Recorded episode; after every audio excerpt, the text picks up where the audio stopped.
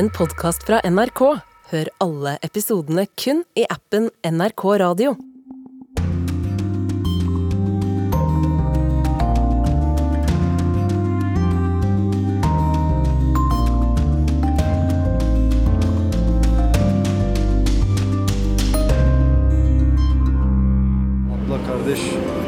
De to søsknene frøs i hjel mens de holdt rundt hverandre. Det var slik de ble funnet. Mehmet snakker lavt. Han har et forpint drag over ansiktet. Noen kom for å hjelpe, andre kom for å rapportere. Hvordan er det å plutselig stå midt oppi et jordskjelv? Jeg bråvåkner, hopper ut av senga og roper på kona mi.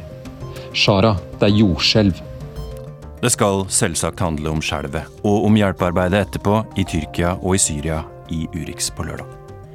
Men vi stiller oss også i minibankkø i Nigerias største by, i håp om å få ut flunkende nye pengesedler før presidentvalget. Og vi skal gjøre et hederlig forsøk på å forklare flere måneder med politisk uro i Peru. Og så har det kommet inn en alvorlig bekymringsmelding fra Storbritannia. 42% av britene kan ikke huske når de lo sist. Verden rommer både latter og gråt. Det gjør denne sendinga fra utenriksredaksjonen i NRK også. Jeg heter Tore Moland. Og nå har det gått snart 130 timer siden jordskjelvet med sentrum nær Gaziantep sør i Tyrkia. Håpet om å finne overlevende svinner. Korrespondent Åse Marit Befring, du er med oss fra Aksaray i Tyrkia. Kan du gi oss en siste oppsummering på omkomne og skadde nå? Ja, Det siste tallet nå er at det er nærmere 24 000 eh, som er kommet. Over 20 000 av dem her i Tyrkia. Og eh, Det vil da si at det er den sjuende dødeligste naturkatastrofen på 100 år. Langt større enn jordskjelvet og tsunamien som rammet Japan i 2011. Og trolig vil dette passere de 33 000 som døde i jordskjelvet i Iran for 20 år siden. Og så er det nærmere 100 000 som har fått behandling for skade på sykehus. Er hjelpearbeiderne nå i ferd med å gi opp håpet om å finne flere overlevende? Søk- og redningsoperasjonene går nå mer og mer over i en ny fase. Det er ingen tvil om det. I byen eh, eh, som var episenteret for skjelvet, og som jeg var i i går, de har nå innstilt søk etter overlevende fra og med i dag. Eh, mens de andre steder fortsetter å grave og lytte. Men det er altså 12 000 bygninger som har falt helt sammen. Og på ett punkt nå, ved et punkt nå så kommer man til å, å innstille og, og slutte å lytte etter lyder.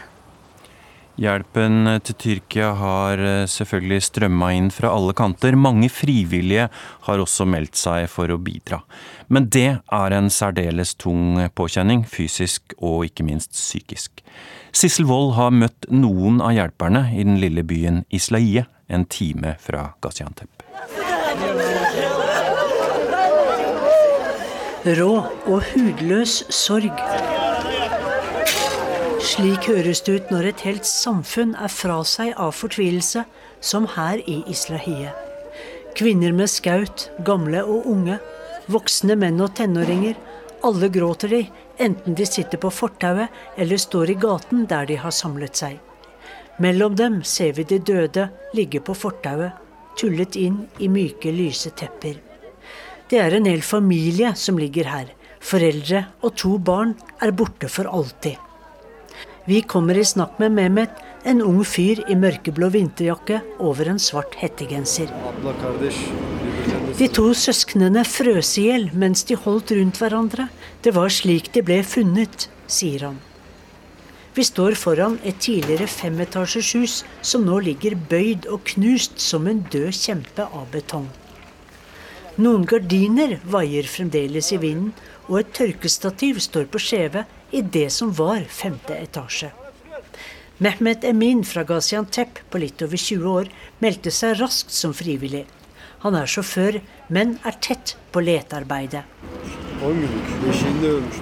Jeg var med på å hente ut en baby som bare var ti dager gammel, død. Mehmet snakker lavt, han har et forpint drag over ansiktet. Han er tydelig preget av alt han har sett de siste dagene, men han snakker gjerne med oss. Menneskene vi finner er ofte ødelagt av betongblokkene. Noen ganger finner vi bare kroppsdeler, forklarer han. Noen har hørt stemmer fra denne blokken, sier han og peker, men nå har letearbeidet tatt en pause. De leter ikke om natten her, og det frustrerer Mehmet. For tenk om noen fremdeles kan reddes? Klærne hans er støvete etter all sementen i ruinhaugene som ligger bortover gaten i Islahia, en liten by med rundt 60 000 mennesker. På et jorde like ved, bak noen nye hvite telt, finner vi en av de utenlandske helseteamene. Det er helsearbeidere fra Erbil og Duhuk i kurdisk Nord-Irak. Sykepleier Ali Salta meldte seg for å hjelpe tyrkerne over grensen, men aller helst ville han ha reist til Syria, der nøden er langt større. Yeah, I think Turkey they have a good government close to Europe. More countries uh, decided to help them, uh, but Syria, I think they leave Syria alone. Tyrkia er godt organisert. De har mange venner ute i verden som sender hjelp. Syria derimot er overlatt til seg selv. De får nesten ingenting, sier han bekymret. Why can't you go to Syria? I plan to go to Syria, but you know the political issues, the war situation in Syria, uh, stopping us. We cannot uh, enter, enter uh, Syria. Både krigen og den politiske situasjonen gjør det vanskelig. Syria er jo styrt av tre forskjellige myndigheter. Assad-regimet, kurderne og opprørerne i Idlib-provinsen. Dette gjør det vanskelig å reise inn, sier sykepleieren fra Erbil oppgitt. Til vanlig jobber Ali i flyktningleiren Hassam Sham, der de fleste er irakiske IS-familier fra Mosul som ingen vil ha tilbake. Noen tror det er farlig å dra til Syria, sier han, men if you go to help people, also the God will, will save you. Du vet, om du drar inn for å hjelpe mennesker i nød, så vil Gud beskytte deg, sier Ali Salta. Det store kurdiske helseteamet venter på nye oppdrag utenfor ambulansene de har med seg, som de også sover i. Like ved går Mehmet Emin hvileløst rundt i den støvete gaten. Jeg er opprørt, for det er forferdelig å bare vente på at letingen skal begynne igjen. Og det å ikke bidra når vi vet at det finnes mennesker der inne, ja, det er stressende. Men ingen får gjøre noe i ruinhaugene før Afad, Tyrkias katastrofe- og beredskapshåndtering, har godkjent arbeidet, forklarer Mehmet til NRK. Ja, Korrespondent Åse Marit Befring, hvordan syns du hjelpearbeidet har eh, sett ut, eh, du som har bevitna det på nært hold? Ja, Det virket veldig mangelfullt og kaotisk de første dagene. Da var trafikken inn og ut av byene veldig veldig stor. Ikke bare grunnet redningsarbeidere som rykket inn, men også venner og slektninger som ville hjelpe til. Og så var det i tillegg dårlig vær det første døgnet, noe som også skapte store forsinkelser for å få eh, Afadin bl.a., eh, som det ble nevnt. Eh, de er altså de som leder den største redningsorganisasjonen i Tyrkia. Eh, og de, eh, lederen der han sa til oss at eh, de nå ser konsekvensen av å ha ignorert faren for et stort skjelv. Eh, At de ikke var forberedt på eh, en så stor katastrofe. Og, og selv om riksalarmen da gikk eh, og hjelp ble sendt inn fra hele landet, så, så var det ikke, ikke nok i det hele tatt. Og, og jeg reiste jo inn i Hatay, som, var, som er det hardest rammede området, et døgn etter jordskjelvet skjedde. Og der, der var det jo soldater som er stasjonert i området, nær den syriske grensa, da, som dette er. Eh, Og de ventet fortsatt på instruksjoner eh, og eksperter før de kunne begynne søket, da, da jeg var der et døgn etter. Ja, Du ble jo vekket av nyheten om dette skjelvet natt til mandag. også, Marit, du satte deg i bilen og kjørte et halvt døgn for å komme fram til jordskjelvområdet. Og da ikke for å hjelpe, men for å rapportere, som er eh, din jobb. Hvordan har du opplevd å stå midt oppi dette i nesten ei uke? Det er jo klart at det er eh, veldig mange sterke inntrykk, veldig mange historier. Det kommer tett på menneskeskjebner. Eh, Og de forteller jo grusomme ting som, som nesten ikke man kan gjengi, rett og slett. Fordi at det er, det er så forferdelige eh, eh, historier de forteller. Eh, Men eh, det er, det er jo unge mødre som har mistet sitt barn. eh, Gravid kvinne hvor de måtte eh, De fikk henne ut, men de måtte altså skjære av henne armen for å få henne ut av ruinene. En mann hadde mistet fire av sine fem barn og sto der helt på bar bakke. Så det er, det er jo både en desperasjon, det har vært en fortvilelse, fortvilelse, som har gått mer og mer over til både apati og sinne. Fordi veldig mange fortalte at de hadde jo hørt lyder. De hørte de til og med når vi kom den første dagen, men det var jo ingen der da. Ikke i den bygningsmassen. For det er jo så veldig mange bygningsmasser. Så det var jo uendelig stort og, og veldig, veldig tungt for alle de som var der. Sterke historier eh, fra Åse-Marit Befring i Aksaray. I korrespondentbrevene våre deler våre folk ute i verden hver uke sine personlige opplevelser. Denne uka skulle Midtøsten-korrespondenten vår Yama Wolasmal være med å dekke et jordskjelv som han først sjøl hadde fått kjenne på kroppen. Jeg kjenner at dobbeltsenga gynger mens jeg halvsover. Utenfor er det et forferdelig uvær med kraftig vind, regn og hagl som pisker mot eh, vinduene og øredøvende torden som lyser opp soverommet med jevne mellomrom. Jeg tenker at det er den kraftige vinden utenfor som gjør at ting på soverommet rister. Men gyngingen blir kraftigere og kraftigere. Jeg bråvåkner, hopper ut av senga og roper på kona mi. Shara, det er jordskjelv. Hva, sier hun forskrekket. Hun løper bort til meg. Vi holder hender mens vi prøver å summe oss. Klokken er litt over tre på natten. Det hele føles som en vond drøm. Jeg titter på taket for å se etter sprekker. Shara stirrer på de store familiebildene vi har rammet inn over sengegavlen, for å se om de henger trygt. Se, hele rommet rister, sier jeg. Vi ser på hverandre i sjokk. Shara løper inn på barnerommet for å se etter yngstejenta vår, Lydia. Hun må støtte seg på veggene på vei bort. Jeg ser til eldstemann Laurina, som igjen har sneket seg inn i vår seng i løpet av natten. Hun sover, roper Sara fra naborommet. Det gjør Laurina også, sier jeg, og priser meg lykkelig over at jentene har så gode sovehjerter denne natten. Så slipper de å se mamma og pappa i full panikkmodus. Hva skal vi gjøre, spør Sara. Vi må komme oss ut. Vi kan ikke vekke jentene og gå ned 17 etasjer nå, sier jeg. La oss gå inn på den lille doen. Det er det sikreste stedet, uten vinduer, foreslår Shara. Vi tar jentene i armene og gynger oss bort til gjestedoen. På vei ut i gangen hører vi de andre dørene i leiligheten, som vi pleier å lukke om natten, åpne og smelle igjen ukontrollert pga. den kraftige svaiingen i bygningen. Pulsen er skyhøy, blikket og sansene er skjerpet. Vi føler oss bort langs veggene til doen i den mørklagte leiligheten. Ristingen varer i litt over ett minutt, men føles som en evighet. Tanken på at leilighetsbygget vårt på 34 etasjer rister så kraftig at vi knapt kan stå oppreist, skremmer livet av oss. Så, plutselig, tar det slutt. Vi er fortsatt i sjokk, men lister oss ut av toalettet. Alle dørene står på vidt gap. Jeg hører roping ute på gata fra folk som har løpt ut i pysjen. Vi legger jentene mellom oss i senga vår og holder hardt rundt dem. Vi klarer ikke å sove. Shara strekker ut hånda si over jentene. Se, jeg skjelver. Mens vi ligger der, står tiden stille. Vi begriper ikke det vi nettopp har opplevd. Normalt ville jeg raskt oppdatert meg ved å kaste meg over mobilen men jeg må innrømme at jeg var litt satt ut. Jeg bare lå der og kysset Laurina på panna. Shara googler seg frem til at det har vært et kraftig jordskjelv i Tyrkia. Tyrkia, tenker jeg. Det er jo hundrevis av kilometer unna. Ja, tenk hva slags ødeleggelse det skjelvet har ført til der, hvis eh, vi i Beirut opplevde det så dramatisk, sier hun. Mens vi ligger trygt i senga, går tankene våre til alle de som lever nærmere episenteret. Hvilket mareritt de må gå gjennom. Vi derimot var heldige veldig heldige. Mens titusenvis av mennesker i Syria og Tyrkia døde eller ble begravd av betongmassene, slapp vi med skrekken. Vi våknet mandag morgen som vanlig klokken halv sju. Vi latet som om ingenting hadde skjedd overfor jentene våre. Laurina ble levert på skolen, men eh, i WhatsApp-gruppen med de andre foreldrene så vi at nesten alle hadde holdt barna hjemme i frykt for sikkerheten deres. Libaneserne var i sjokk. Vi tenkte at det kanskje var bra for Laurina å få normaliteten tilbake, men bare timer etterpå ringte skolen. De skulle stenge umiddelbart og ba oss hente henne med en gang. Det var nemlig sendt ut et tsunamivarsel pga. det kraftige skjelvet.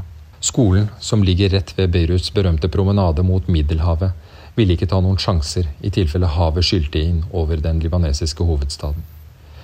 Da vurderte vi om vi skulle komme oss ut av Libanon. Dra hjem til trygge Norge. Bare for å være på den sikre siden. Ta med barna vekk fra all usikkerheten. Som norske statsborgere har vi den muligheten uansett hva slags kaotisk situasjon vi befinner oss i. Bare ta første flyet og redde oss selv og våre nærmeste ut. Det har jeg opplevd flere ganger. Da Taliban tok Kabul og afghanere desperat klamret seg til militærfly på rullebanen for å komme seg ut. Da sto jeg blant tusenvis av afghanere utenfor en av portene til militærflyplassen i Kabul. Den som slapp gjennom de portene, var sikret en plass ut av kaotiske Afghanistan. Jeg var blant de utvalgte. Igjen var jeg blant de heldige. Jeg ble reddet ut av norske soldater som bokstavelig talt slepte meg ut av folkemengden og inn på basen. Noen dager senere ble jeg og andre nordmenn evakuert om bord samme type militærfly som afghanere hadde falt i døden fra noen dager tidligere. Jeg var jo norsk statsborger, tross alt. Jeg måtte jo reddes ut av fødestedet mitt, som imploderte foran øynene på oss. Jeg sier ikke dette fordi jeg er glad i selvpisking, men jeg skal ikke lyve. Urettferdighetsfølelsen kjennes som en slegge i magen. Hvorfor skal jeg være blant de heldige? Hva er egentlig forskjellen på meg og jordskjelvofrene i Tyrkia og Syria? At jeg har norsk pass? Den følelsen har blitt ytterligere forsterket den siste uken fordi jeg har jobbet tett med å følge skjebnene i steder som Idlib-provinsen i Syria. Der bor det om lag fire millioner mennesker, halvparten av dem internt fordrevne syrere. Flyktninger i eget land.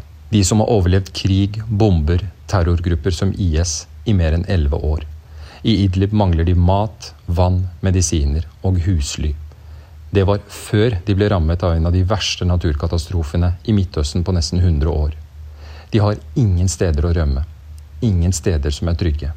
De lever under åpen himmel nå og håper på en brødbit og en slurk med vann i løpet av dagen. Jeg får ikke bildene av lille Hamodi ut av hodet.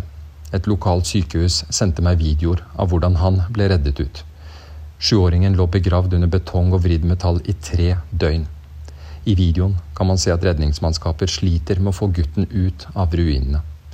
Årsaken er at han sitter fast i armene til sin døde far. De må rive den lille gutten ut av armene på faren for å få ham ut. Hver gang jeg har kommet på blikket til Hamodi, har jeg klemt hardt og lenge på jentene mine, og priset meg lykkelig. Som nordmenn er vi nesten alltid sikret en billett ut av land som plutselig rammes av naturkatastrofe, krig, konflikt, politisk kaos eller sosial omveltning. Enten kommer vi ut på egen hånd, eller så blir vi hentet ut av norske myndigheter. Det viser hvor ufattelig heldige vi nordmenn er i en verden som i stor grad preges av uro, kaos og konflikt. Shara satte ord på det. Det er som om vi vinner verdens mest urettferdige lotteri hver eneste gang.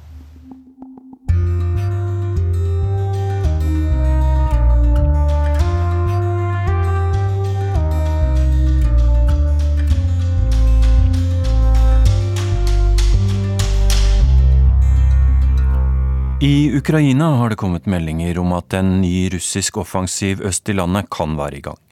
Både ukrainske myndigheter og vestlig etterretning har advart lenge om at Russland vil trappe opp angrepene rundt ettårsdagen for invasjonen 24.2. I hovedstaden Kyiv har folk fått med seg advarslene og er forberedt. Midt i sentrum av Kyiv underholder to gatemusikere forbipasserende. Det er mye som kan minne om hverdag i den ukrainske hovedstaden. Folk fyller gatene, kafeer, restauranter og butikker er åpne. Men det er også ting som forteller at dette er et land i krig. Utenfor et av klostrene står den 21 år gamle studenten Maria. Murveggen foran henne er dekka av fotografier. Hundrevis av portretter kanskje noen tusen. Alle er ukrainske soldater som har falt i krigen. Maria har kommet for å finne Don Anatolij Vasiljevitsj. Dette er faren til en jeg gikk på skole sammen med da jeg var liten, sier Maria, og peker på en mann med et stort smil. For et halvt år siden ble han drept i kamper. Datteren hans bor ikke i byen og har bedt meg om å dra hit, sier Maria. Nå har jeg tatt bilde av veggen og sendt det til henne.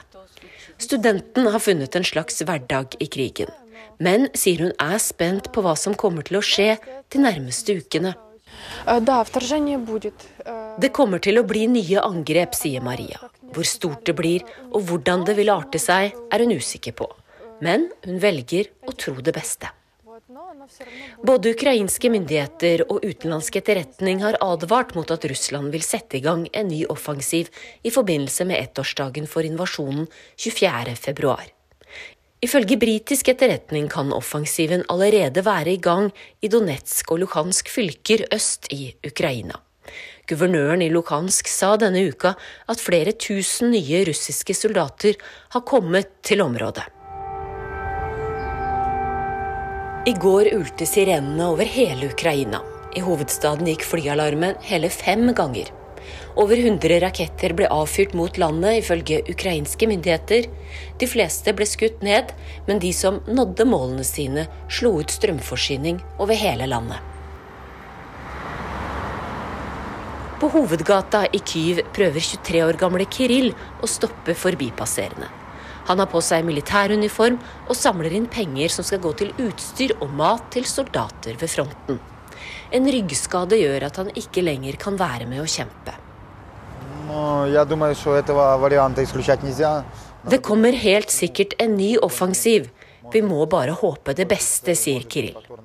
Han er også 100% sikker på at det kommer et nytt stort rakettangrep mot hovedstaden 24.2.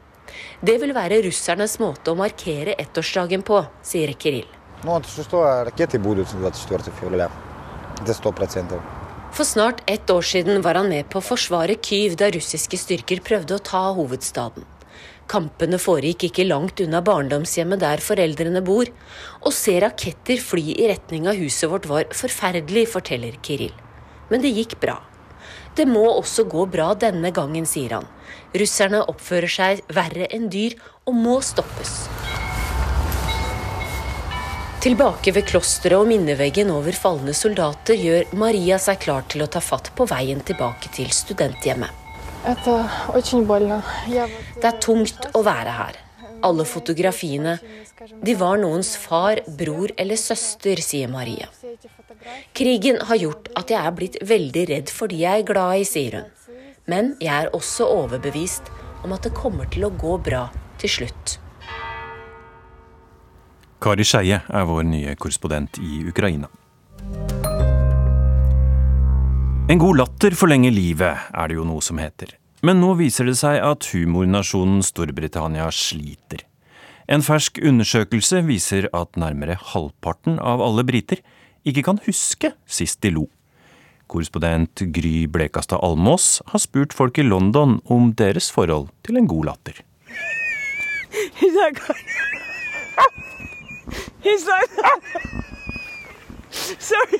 Det er ikke vanskelig å trigge lattermusklene til Negar Saman. Vi møter henne i parken, der hun leker med hunden sin. Og spør hvor lenge det er siden sist hun lo, før denne latterkula vi nettopp hørte. Now. I, dogs, I. Hun ler av hunden sin, hun ler med venninnene sine. Og frykter den dagen latteren tar slutt. Laugh, what can you do?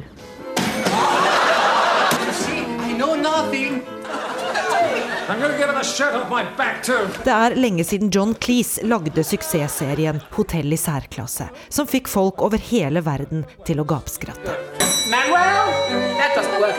Denne uka ble det klart at Cleese vil prøve å gjenopplive komiklassikeren. Men vil folk le?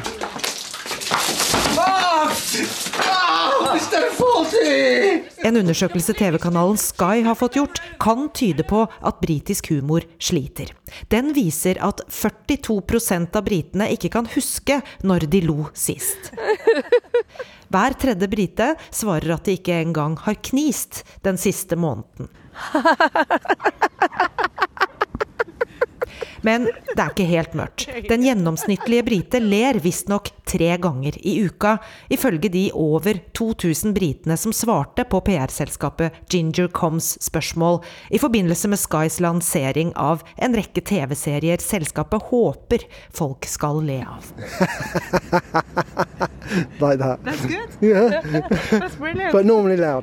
Men folk ler mindre enn før. Do you laugh uh, more or less than you used to?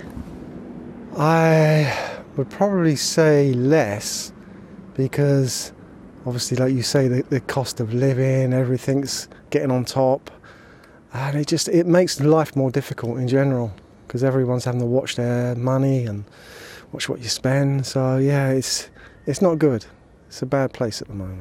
Andy Knight ler sjeldnere fordi bekymringene har økt i takt med kostnadskrisen som rammer mange briter hardt. Alt er blitt vanskeligere, sier han. Chani Santiago er enig, hun blir negativt påvirket av nyheter og alvorsprat på sosiale medier. Yeah, definitely. I think it's really difficult when you're surrounded by the news. We've got access to different social media outlets. For example, um, family group chats where everyone's posting about it and talking about it, and, it leaves like a, a heavy feel in the air, especially if you wake up to reading bad news and you go to sleep reading bad news, and it plays, plays on your mind, and you just think about what other people are. Yes, you are! og vårt lattermilde bekjentskap Negar Zaman mener det også har med alder å gjøre. I think when you're younger, you naturally laugh more. When you're younger, you just do. Everything is fun. Because you really have no, there's, you don't understand the consequences. You don't understand everything. And when he laughs. Sorry. Men det hindrer henne ikke i å knekke sammen nok en gang mens hunden hennes løper etter ballen hun har kastet. Og nettopp hunden, eller katten, er en av de tingene som får britene til å le, ifølge undersøkelsen. Mer enn partnerens vitser og gamle TV-komedier. Men det er enda morsommere med en smittsom latter, eller å se en baby som ler.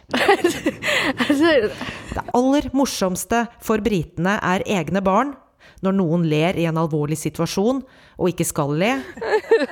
Og på førsteplass å få tilsendt et morsomt mem, altså video, bilde eller tekst digitalt. I parken innrømmer Charmaine Medrano at nettopp noe på sosiale medier var det som sist fikk henne til å le. Last time I laughed was earlier today, but it was at something on social media, as sad as it sounds. What usually makes you laugh? Um, silly things, really. so I'm laughing now. So yeah, just silly things. Someone could send me a joke, or I could see someone trip, or you know, just things that are humorous. Basically. Andy Knight ler av dumme småting, som når noen snubler eller forteller en vits, mens hundeeier Negar Saman klarer nesten ikke å stoppe å le er av hunden sin. I can't get it out. Stop it.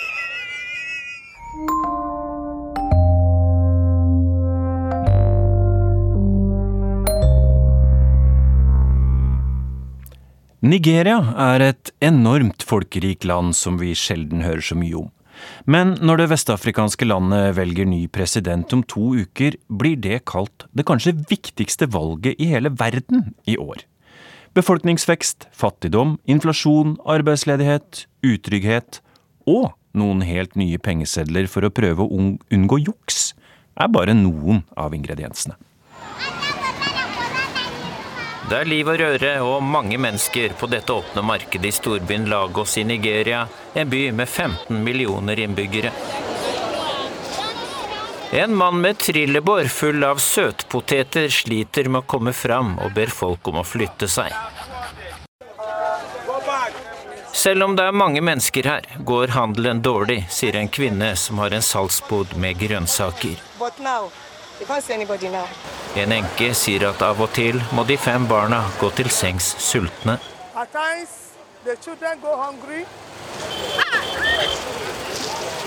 Nigeria med over 200 millioner innbyggere har opplevd en befolkningseksplosjon de siste årene, og sliter med en inflasjon på 20 mange fattige er blitt fattigere, arbeidsledigheten er skyhøy.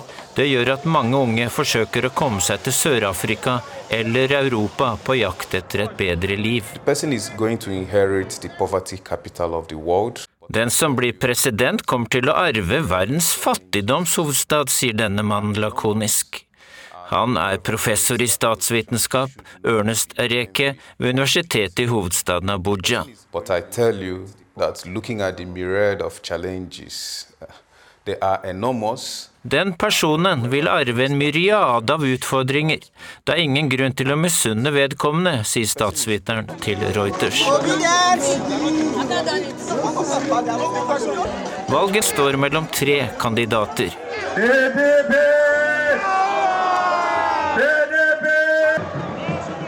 PDP, PDP, roper opposisjonsleder Atiko Abubakar, mens tilhengere rundt ham løfter armene hans i været. PDP er Folkets demokratiske parti. Abubakar er en erfaren traver. Forretningsmann har vært guvernør og var visepresident fra 1999 til 2007. Han lover å bli en president for alle.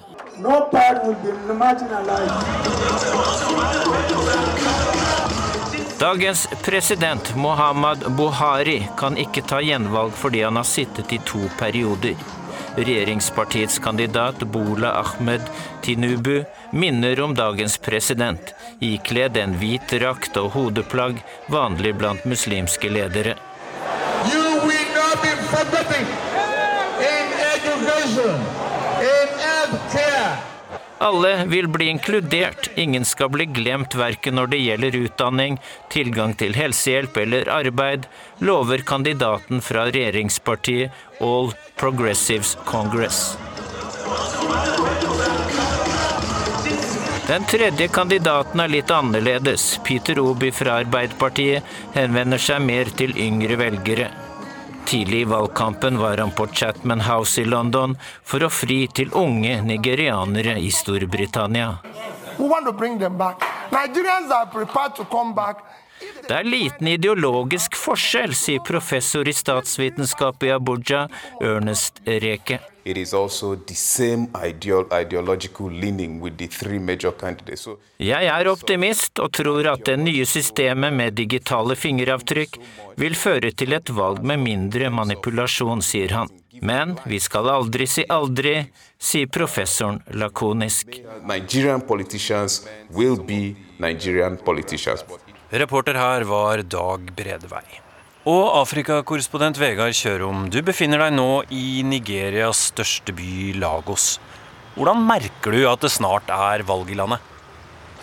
Nei, altså Det her er noe alle er opptatt av. Dette er et valg veldig mange vil delta i. Det er en ny president som skal velges eh, blant eh, flere kandidater. Det er gater fulle av valgplakater, eh, og folk er opptatt av flere temaer, spesielt økonomien, som, som går dårlig for tida. Og så er det mange nigerianere som sier at de føler seg utrygge, og sikkerhet er et uh, viktig tema. Merker du noe til den utryggheten som finnes i samfunnet? Nei, Det er kanskje ikke spesielt her i Lagos at det er mer utrygt. Hvis en reiser lenger nordover, så har det vært flere tilfeller av angrep òg i det siste. Boko Haram eh, har det blitt færre angrep ifra, men det er andre grupper som skaper utrygghet. Og eh, jihadistiske grupper, men òg eh, sammenstøt mellom eh, ulike kveggrupper. Så her i Lagos så føler jeg meg ganske trygg, og folk flest. Men generelt så det, ligger det en utrygghet i bunnen for at det kan skje angrep, òg mot valgarrangement nå i ukene opp mot valget. Og så er det noen som kaller dette valget det viktigste presidentvalget i 2023. Hva tilsier at det skulle være det? Alt. Det her er Afrikas mest folkerike land, og om noen år så er det verdens tredje mest folkerike land. Det er en enorm befolkningsvekst. Eh, samtidig er det et land i, eh, med høy inflasjon, stort, eh, store økonomiske problemer. Veldig mange av disse unge som eh, nå vokser opp i Nigeria, har ikke jobb. Dette er en stor utfordring. Nigeria er òg et land som eh, veldig mange migrerer fra mot Europa, eh, bl.a. og det viser jo bare noen av de utfordringene som finnes. Så den nye presidenten har veldig mye eh, han skal ta tak i eh, og, og, bedre på eh, for at Nigeria skal komme inn på riktig spor for de siste åra. så har økonomi og sikkerhet, som nevnt, vært utfordrende. Så hørte vi i reportasjen til kollega Dag Bredvei at denne gangen er det tre favoritter i presidentvalget. Er det noe som vekker oppmerksomhet?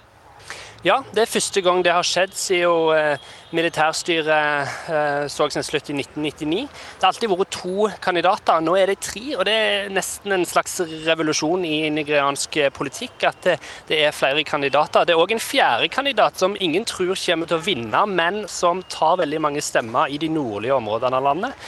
Og dermed så kan han ta stemmer fra de to etablerte partiene og bane vei for at den tredje kandidaten, Peter Robi, kanskje tar en overraskende seier. Og så har det kommet nyheter fra Nigeria de siste dagene Vegard Kjørom, om store pengeproblemer for folk. Forklar oss hva det går ut på. Akkurat nå så står jeg rett på siden av en minibank, og der er det ingen. Og det er fordi da vet alle at den minibanken er tom. For i de minibankene der det finnes penger, der er det lange, lange køer. Her har myndighetene bestemt at alle sedler eh, skal byttes ut. Og det skal skje på veldig kort varsel. Eh, så kort varsel at bankene ikke har nok nye sedler til å veksle inn. Så Derfor er det ikke kontanter nok å få tak i. De har satt et tak på hvor, mange eh, penger du, eller hvor mye penger du kan ta ut. Eh, og egentlig så er bare enden på visa at folk ikke får penger til mat eh, og til det de trenger. Og dette har skapt mye sinne, og jeg har møtt noen av de som, eh, som har stått ved disse minibankene i lange køer. There's no money in the account. There's no POS, no cash anywhere. And look at the way first class is now. So I can't eat. To go to my house, they probably have to sleep here, outside here. You, you slept here? Yes, I slept outside the gate here. Outside there, between the ATM machine here. You know, the thing is bad. It is bad. Peter Adeka står framfor en minibank og slår ut med armene. Dette er virkelig ille, sier han til NRK. Han forteller at han har sovet utenfor minibanken i håp om å få penger ut av den. Så langt har han ikke fått det, og han står ca. midt i den lange køen som strekker seg 20 meter bortover ei tung trafikkert gate midt i Nigerias økonomiske sentrum Lagos. Sister, looking for waiting to eat. May go to the POS now. We took we, we want to withdraw 20,000 naira. Tell you that it's 4,000 naira charges. 10,000 is 2,000 naira charges.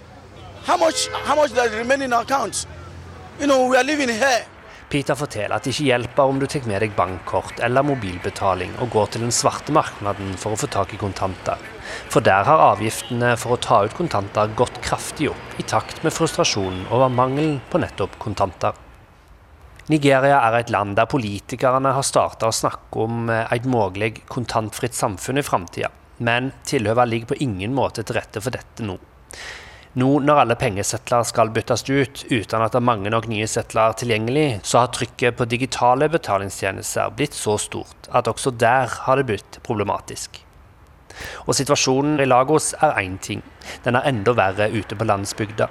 Og flere av de NRK møter ved minibanken i Lagos, har reist et stykke for å prøve å få tak i litt penger før de gamle setlene mister all verdi. Og om de er heldige og får kontanter, så får de ikke så mye. Okay, now getting to UBA Bank now. I was told that if you are a UBA customer, you are going to withdraw 10,000 naira. Solefo Abejiojin står med en bunke setler i neven, men er likevel irritert. Han forklarer at han gjerne skulle tatt ut mer penger, men da måtte han være kunde i banken der han tok ut pengene. Over hele landet får folk bare ta ut maksimum 20 000 naira til dagen. Det er knappe 430 kroner, og rekker ikke veldig langt. Heller ikke i Nigeria. Tenk så stress det er, sier Solefo. Vel vitende om at det venter nye timer i kø om han skal ta ut mer penger i morgen. Vegard Kjørom rapporterte fra Lagos i Nigeria, og valget er 25. februar.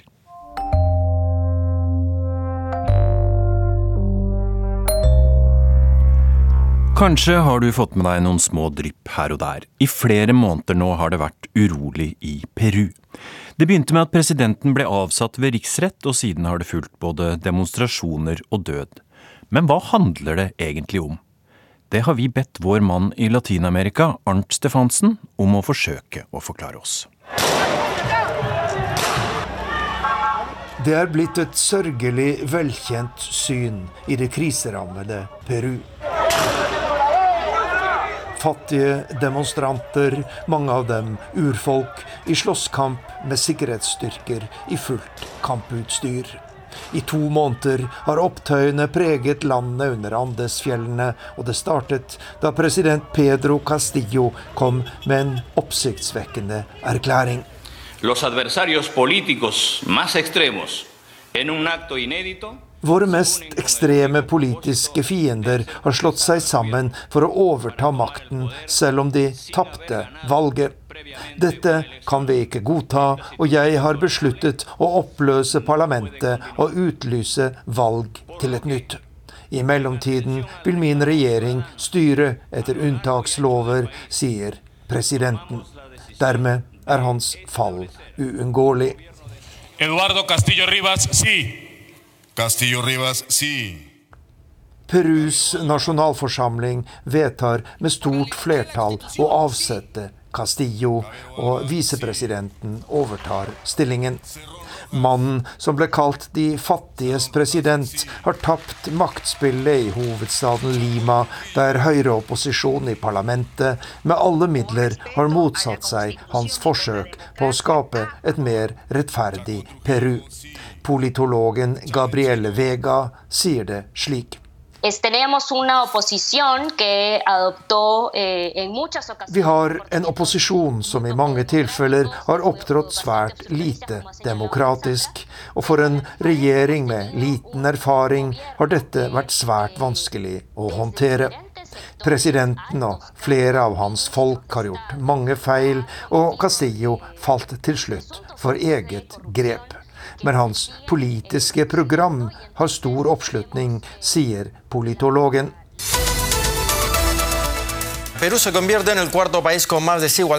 Peru er blitt land nummer fire i verden når det gjelder sosial ulikhet, melder TV-stasjonen Deutsche Welle, og knytter dette til de voldsomme demonstrasjonene etter president Pedro Castillos avgang.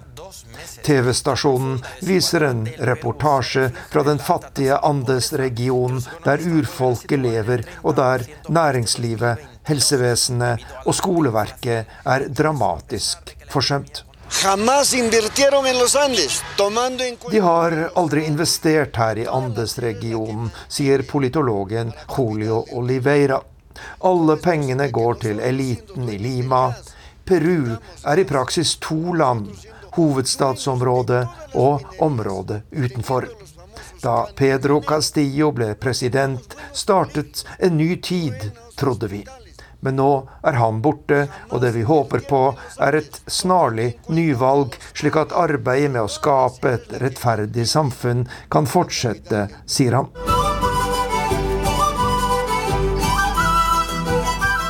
500 år etter at kolonimakten Spania ødela inkaenes høykultur, er urfolket fortsatt nederst på rangstigen i Peru.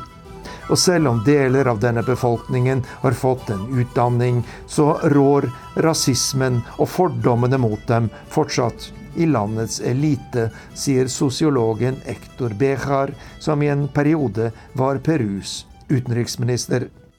Es una, es una clase media que no es aceptada como clase media. Det er en middelklasse som ikke er akseptert som middelklasse. Mange har fortsatt dette synet på urfolket som mindreverdige og primitive mennesker. De forstår ikke at det er nye tider der slike klasseskiller som vi har her i Peru, ikke kan bestå. Dette forsøket på å forandre landet mislyktes, men det vil komme nye forsøk sier sosiologen Ektor Bejar. Peru er fortsatt i opprør to måneder etter at Pedro Castillo mistet makten. Mange har ofret livet for et mer rettferdig samfunn, og de krever at den nyinnsatte presidenten trekker seg og åpner for nyvalg. Vi flytter oss et stykke nordover på den vestlige halvkule. California sliter med været. Tørke kan vare i flere år, skogbranner herjer med jevne mellomrom, og nå i det siste har problemet vært det motsatte – for mye regn. Noen steder har det regnet over 500 millimeter på et døgn, og rundt 30 millioner amerikanere har fått flomvarsel. I tillegg kommer selvsagt den evige trusselen om jordskjelv. Samtidig var det i California at den amerikanske miljøbevegelsen begynte på 1960-tallet. Her er innbyggerne mer oppmerksomme enn de fleste andre på å spørre seg sjøl Hva kan jeg gjøre for å bedre klimaet? Vanskelig er det ikke å be labradoodelen Ollie og blandingshunden Jackson på en tur. Jeg setter meg inn i bilen med Daniel Meiser, som har bodd her i over 15 år. Car, but no, no, no. Ifra det latinamerikanske huset kjører vi forbi misjonskirka spanjolene satte opp i 1786, med et grønt og åpent område i en by som har fått stempelet Den amerikanske rivieraen pga. middelhavsklimaet. Most of the time, this is a gathering spot. Men sjøl om superstjerner som Oprah Winfrey, Jeff Bridges og eksilkongelige Harron og Meghan har bosetta seg her, er Santa Barbara utsetta for naturens voldsomme krefter. The threat of not enough water, the threat of too much water, the threat of earthquakes, the threat of wildfires. Vannmangel, tørke, jordskjelv, branner. Her får du servert alt moder natur har å by på. Breaking news tonight the new round of severe weather hitting storm ravaged California. Og så var det de atmosfæriske elvene som siden desember i fjor bokstavelig talt flomma delstaten over. Look at those rocks. Look at that pile of rocks. We didn't have a tractor putting them there. Her er det ikke mennesker som bestemmer. Den erkjennes som mange andre i Santa Barbara. De er en del av klimaendringene. And we are as much a part of the geology as the geology that set this up. We're just intruding on these natural processes. For byen har det å tilpasse seg naturen blitt nettopp det naturlig. Den mener en aldri kan vinne over moder jord, og må jobbe med henne.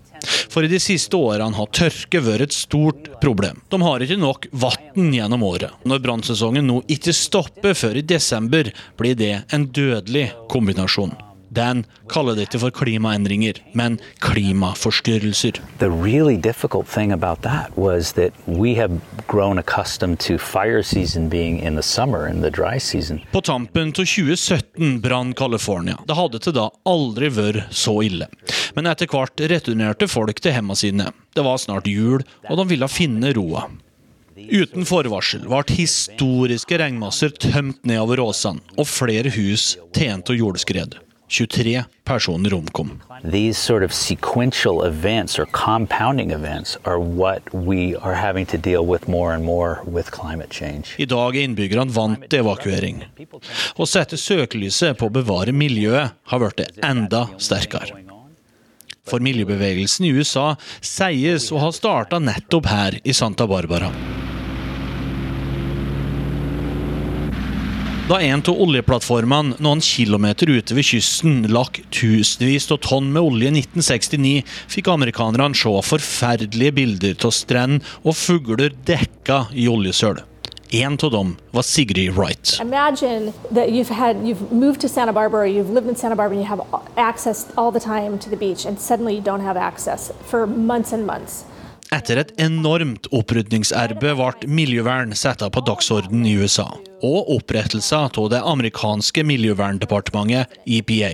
Environmental Protection Agency and many of the foundational laws um, in our country, including the Clean Water Act and the Clean Air Act, Siden da har California vært den delstaten i USA som har satsa på å bekjempe klimakrisa. Da Kongressen godkjente forurensningsforskrifta Clean Air Act på 60-tallet, ville California ha enda strengere regler.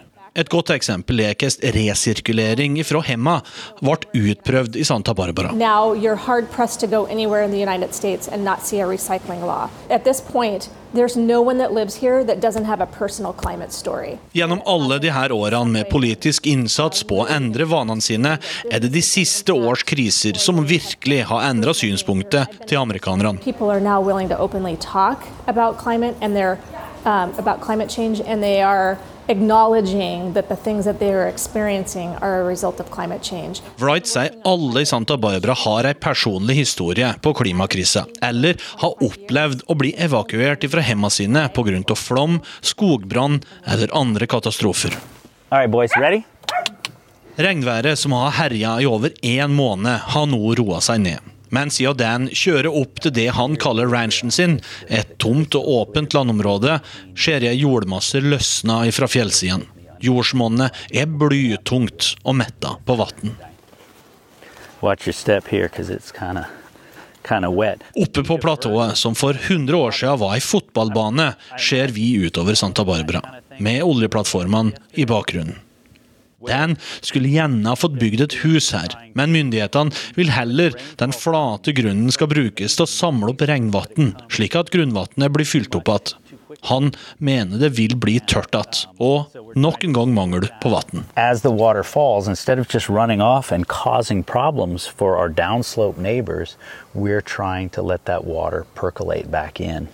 Han bytta òg ut toalettet sitt hjemme nylig. Nå bruker det bare noen desiliter for å skjøle ned. Rundt om i Santa Barbara blir hager gjort om til store, naturlige svamper som suger til seg regnvann. Og bekker demmes opp slik at regnvannet blir samla og ikke renner ned i havet. Until you're awakened in the middle of the night and you step out of bed into water in your bedroom. Til vi innser alvorligheten av klimaet, er det vanskelig å ta grep, sier Dan. Your mind into action. For sjøl om California leder an i miljøkampen, er det først og fremst opp til hver enkelt av oss til å gjøre en forskjell. We need to be active in making sure that we steward our land and our world so that our children and grandchildren have a viable place to live. Det var korrespondent Lars Os som hadde besøkt Santa Barbara i California.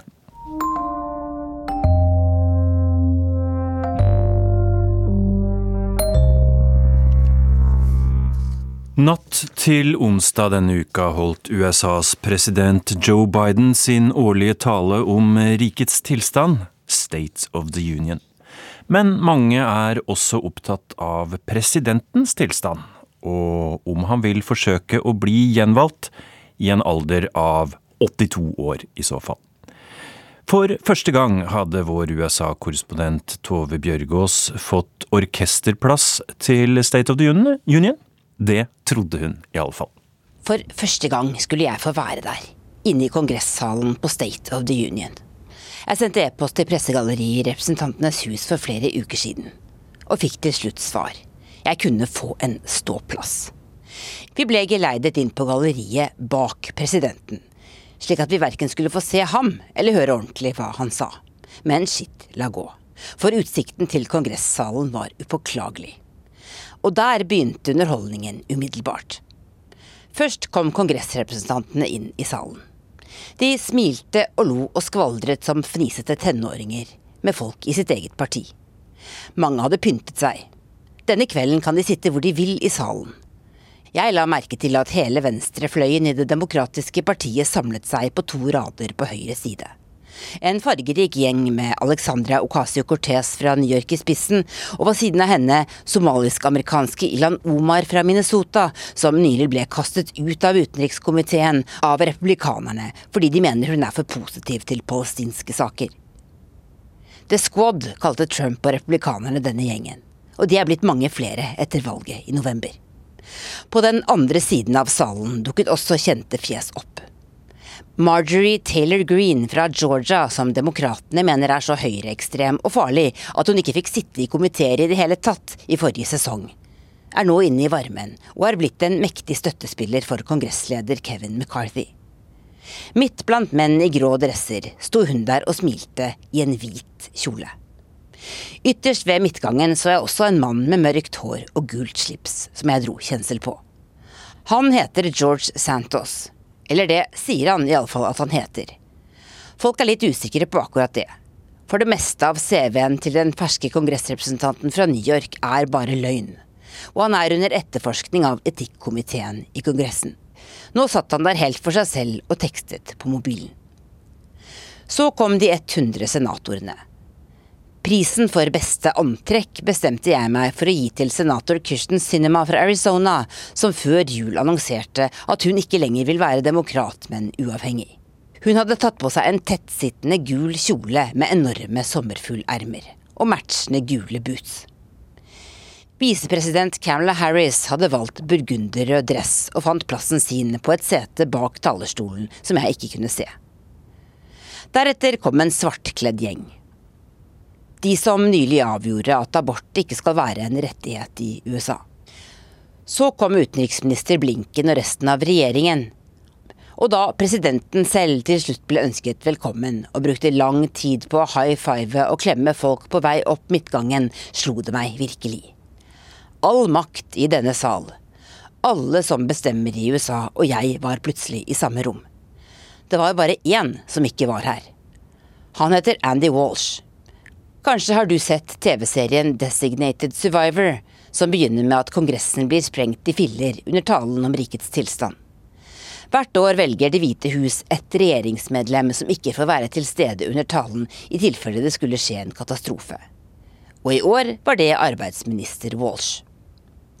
Så begynte Biden å tale. Han sa at han og Kongressen skal gjøre USA sterkere, og la fram masse forslag til hvordan. Så beskyldte han republikanerne for å ville avskaffe pensjonssystemet Social Security. Demokratene reiste seg ustanselig og klappet for presidenten sin. Venstrefløyen reiste seg ganske mye, de òg, men klappet litt mindre, kanskje. Men republikanerne ble stort sett sittende, mange med armene i kors. En av dem reiste seg heller ikke da Biden gikk inn i salen. Det var Marjorie Taylor Green, som hadde tatt på seg en hvit jakke med en dramatisk pelskrage utenpå den hvite kjolen. Hun så ut som snødronningen der hun satt, og deltok plutselig i konkurransen om beste kostyme. Da Biden sa det om Social Security, formet hun hendene som en ropert rundt munnen og ropte 'løgner'. Veldig kort tid etter var bildet blitt en meme på nettet med Munchs skrik i bakgrunnen. Men hvordan var talen egentlig? Biden prøvde å gjøre seg lekker for Alexandria Ocasio-Cortez og venstregjengen ved å si at han skal øke skattene for rikinger og sørge for rett til barnehage og billigere medisiner. Han ropte også tilbake til republikanerne da de begynte å rope til ham. Han var mer energisk enn vanlig, sto det i kommentarene etterpå. Jeg så ingenting av dette siden jeg ikke så presidenten. Men etterpå var slett ikke alle enige om at det hadde vært en fin tale. En republikansk senator jeg snakket med i korridoren, sa at Biden lever i en alternativ virkelighet fordi han foreslo å forby angrepsvåpen, og av mange andre grunner. Men en del demokrater mente det gikk bedre enn ventet. Og det er ventet at USAs eldste president vil forsøke å slå sin egen rekord til neste år, ved å forsøke å bli gjenvalgt som USAs 82 år gamle president. Om det skjer, vil tida og skjebnen vise, har Biden sagt. Men stiller han, spørs det om yngre krefter i partiet tør å gjøre det samme. Urix på lørdag fikk du av Ragnhild Bjørlikke, Dag Dørum og meg, Tore Moland. Du har hørt en podkast fra NRK. Hør alle episodene kun i appen NRK Radio.